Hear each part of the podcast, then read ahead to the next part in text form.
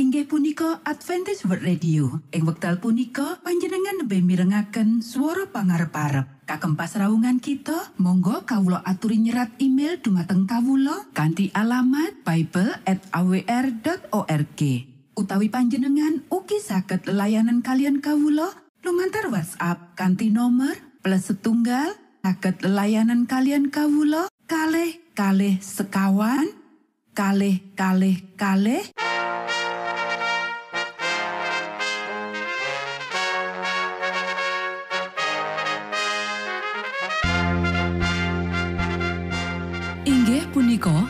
Adventist World Radio ingkang giaran kanti basa Jawi. Tentrem Rahayu kula aturaken kagem para mitra kinasih ing pundi papan lan panggonan. Sugeng pepanggian malih kalian Adventist World Radio. Kanti bingahing manah Kulo badi sesarengan kalian poro mitra kinasi.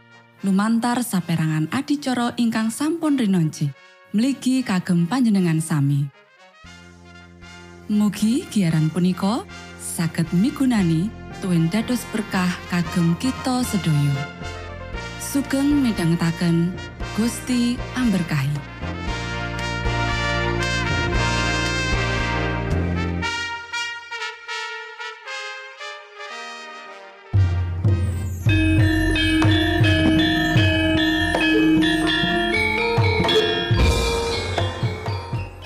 Para pamirsa kinasih ing Gusti Yesus Kristus, ing wekdal punika kita badhe sesarengan ing adicara ruang kesehatan ingkang saestu migunani kagem panjenengan saha kita sami.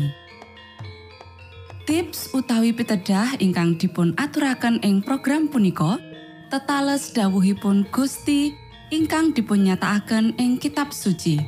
Semanten ugi sakehing seratan ingkang dipun wangsitaken dening Gusti Allah.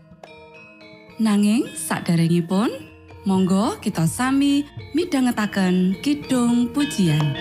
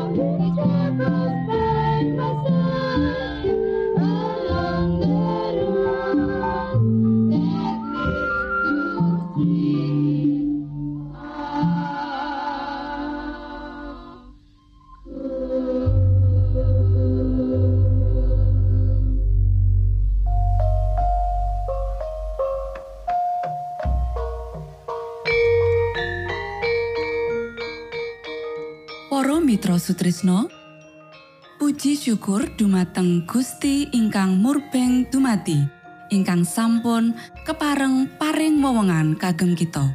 Satemah saged nglajengaken ruang kesehatan. Pirembakan kita semangke kanthi irah-irahan. Kebagas warasan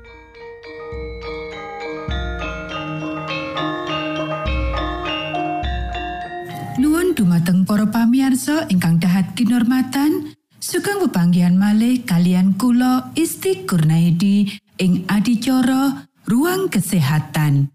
Ing dinten punika kanthi irah-irahan kebagas warasan. Para sedherek ingkang kinasih kebagas warasan ya iku bondo kang aji. Iki ya iku hak darbeni kang paling larang kang bisa ditarpei makhluk urip kasugihan, pakormatan utawa pawiyatan ora akeh gunane menawa kelangan kebagas warasan. Ora ana siji wae saka kekayuan iki mertahanan ke kabagian menawa kebagas warasan kakanggu. Kebagas warasan kudu dijogo padha sucine kaya watak. Kuasa fisik, mental, lan moral dudu kita dhewe. Nanging disilihake dening Gusti Allah supaya digunakake jroning platosane. Sangsaya sampurno kapakas warasan kita, mulane bakal sangsaya sampurno makaryo kita. Wigatine kapakas warasan badan kutu diwulangake dadi sawijining syarat kitab suci.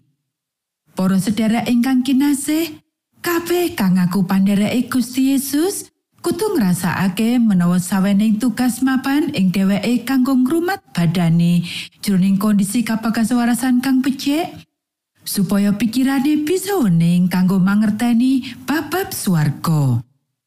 Wektu digunakake kanthi becik kang diarahake kanggo gawe lan ngrumat pakasawarasan fisik lan mental kang becik, ya iku gampang kelangan kesehatan nanging angel ngulai maneh. Para sedherek ingkang kinasih, kesehatan sampurno gumantung ing irine getih sampurno. Kesehatan saka sakabeh sistem gumantung ing organ ambekan kang kerja kanthi becik. Menawa kita kepingin oleh kesehatan, kita kudu urip kanggo sehat. Kita bisa ngerti lagi utawa nglumpuhake sawijining fungsi pikiran utawa badan kanthi kakean kerja utawa kanthi nyalahgunakake saperangan saka mesin badan. Badan sehat diperlokake kanggo akal pikiran kang sehat. Para sedherek ingkang kinasih, menawa kita nglakoni sakabehing bab kang bisa kita lakoni kanggo nggayuh kesehatan, mulane kita oleh duwe pangarep-arep menawa berkat-berkat bakal kita tampani lan kita bisa nyenyuwun marang Gusti Allah jroning iman kanggo berkahi budidaya kita kanggo ngrumat kesehatan. Gusti Allah bakal jawab tunggu kita menawa asmane bisa kaluhurake kanthi cara mangkono. Nanging kutune kabeh mangerteni menawa dheweke duweni sawijining pakaryan kanggo dilakoni. Gusti Allah ora bakal makaryo ing sawening cara ajaib kanggo ngrumat kesehatan wong-wong kang sengaja gawe diri pribadine loro. Manut miturut kang teliti ing angger-angger kang wis Gusti Allah tanemake jroning diri kita bakal mesthekake kesehatan lan ora bakal ana bubrae lan kahanan jasmani kita. Para sedherek ingkang kinasih, Ake kang takon marang aku, kepiye carane aku ngrumat kesehatan? Wangsulanku ya iku, mandek nerak angger-angger anane kowe. Mandeka maremake kekareman kang rusak, mangan panganan prasaja, nyandang kang sehat, kang merlokake prasajan, lakonono makaryo kang nyihatake, lan sira ora bakal loro. Akeh kang nandang sengsara jalaran panerake wong tuane. Dheweke ora bisa dicacat karena dosa wong tuane, nanging kepiye wae ya iku tugase dheweke kanggo mangerteni apa kang wis diterak wong tuane. Lan pakulinan wong tuane sing endi kang keliru.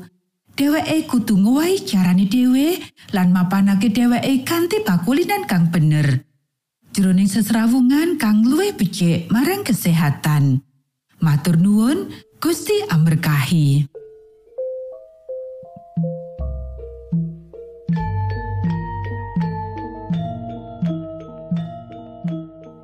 Cekap semanten pimbakan ruang kesehatan ing episode dinten punika. Ugi sampun kuatos jalaran kita badhe pinanggih malih ing episode sak lajengipun.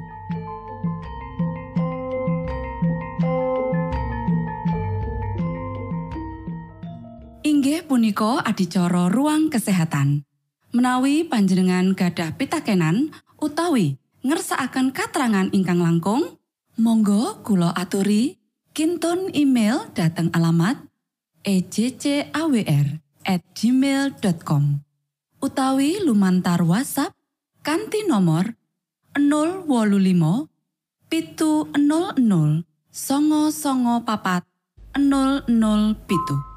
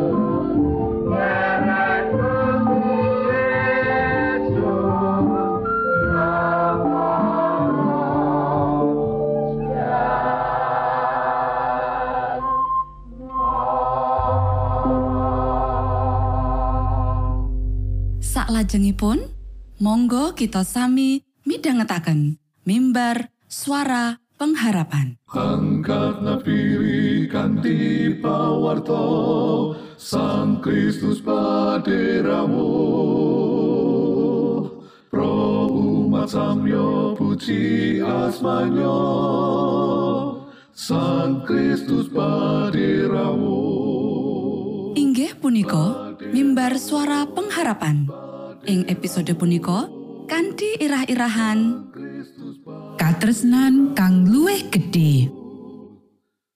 sugeng midhangetaken. Sang Kristus paderamu Ilmu kawero tambah tambah. Sang Kristus paderamu Paderamu Paderamu Sang Kristus paderamu Shalom para pamirsa ingkang kinasih wonten ing Gusti. Sakmenika kita badhe mitangetaken renungan Sabto pangandikanipun Gusti.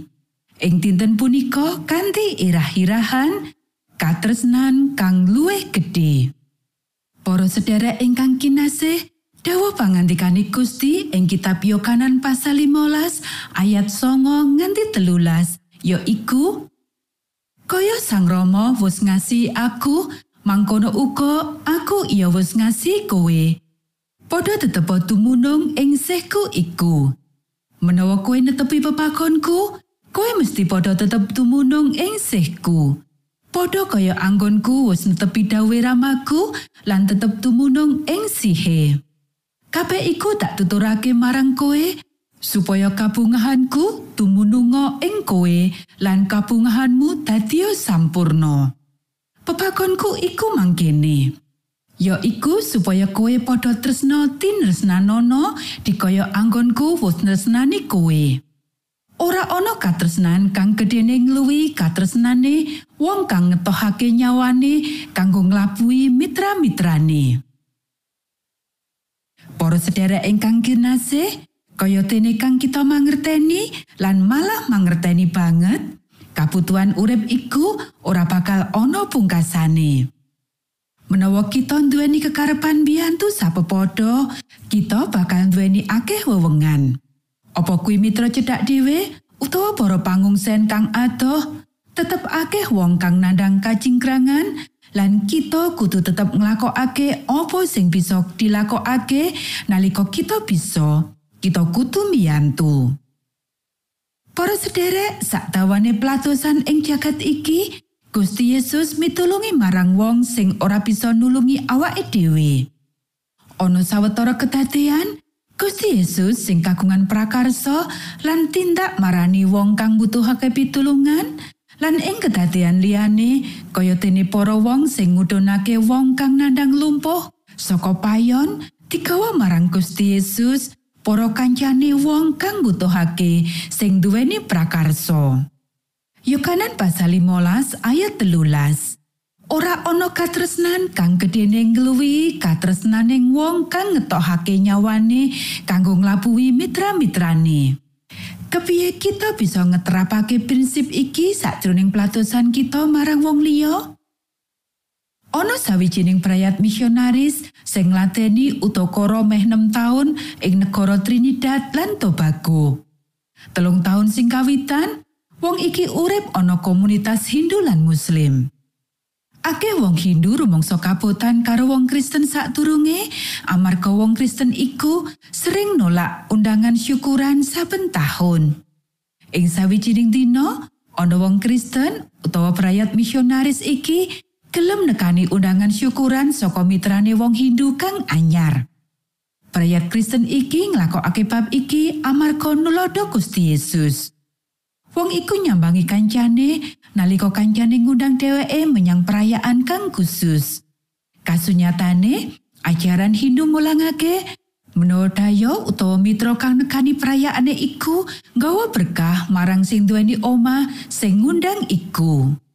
Para sedherek ingkang kinasih, Ayo nyoba kanggo miwiti sesrawungan ing minggu iki kanthi dadi berkah kanggo siji pawongan. Kapisan, teliti panggonan kita dhewe, bisa komunitas, perkampungan utawa lingkungan kutha ing ngendi kita manggon. Apa ana wong sing ngungsi utawa imigran kang urip ing kono? Piye kanggone wong urip ning pinggir-pinggir dalan? Apa sampeyan kenal wong-wong iku? Ora peduli kahanan kita, nyatane gawe sesrawungan karo wong monco dudu pakaryan kang gampang. Ayo kita asung ndedonga lan nyuwun marang Gusti Allah kanggo mbiyantu kita. Gusti Allah pirsa angger wong lan pirsa marang angger wong monco sing bisa digawe memitran. Elingo tujuane yaiku kanggo ndadekake mitra temah kita bisa mitulungi wong kuwi kanthi nuntun marang Gusti Allah purih antuk pitulungan. Monggo kita sami ndedonga. Duh Rama kawula ingkang wonten ing swarga, asma patuko mugi kasucikaken. Kraton patuko mugi rawuh. Karso patuko mugi kalampahan wonten ing bumi kados dene wonten ing swarga. Kawula mugi kaparingan rejeki kawula sak cekapipun ing dinten punika. Saha patuko mugi ngapunten kalepatan kawula kados dene kawula inggih ngapunteni tetiang ingkang kalepatan dhateng kawula. Punapa dene kawula mugi sampun ngantos katantukaken dhateng ing panggoda nanging mugi sami patuko uwalaken saking piawon. Awit dene patuko ingkang kagungan kraton saha wisesa tuwin kamulyan salami laminipun. Amin.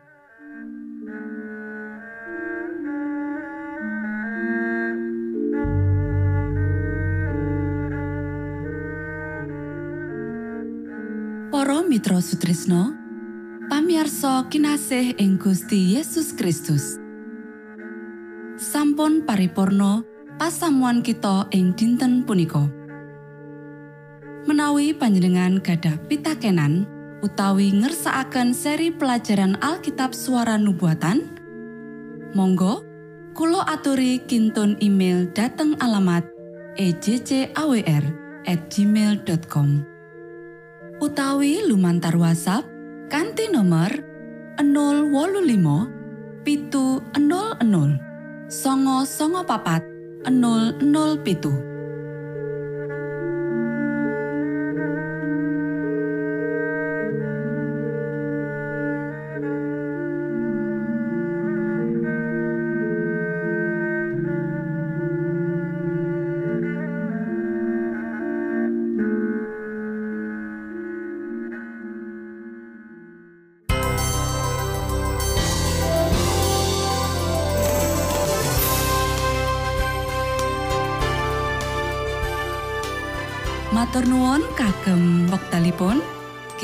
badhe pinanggih malih ing gelombang ugi wekdal ingkang sami.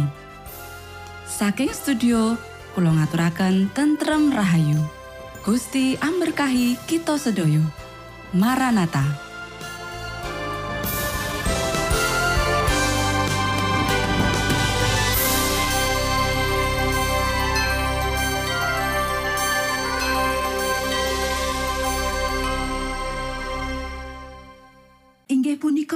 Adventist World Radio. Ing wekdal punika panjenengan lebih mirengaken swara pangarep-arep. Kagem pasraungan kita, monggo kawula aturi nyerat email dumateng kawula kanthi alamat bible@awr.org. Utawi panjenengan ugi saged layanan kalian kawula lumantar WhatsApp kanthi nomor plus setunggal saged layanan kalian kawula kalih kalih sekawan kalih kalih kalih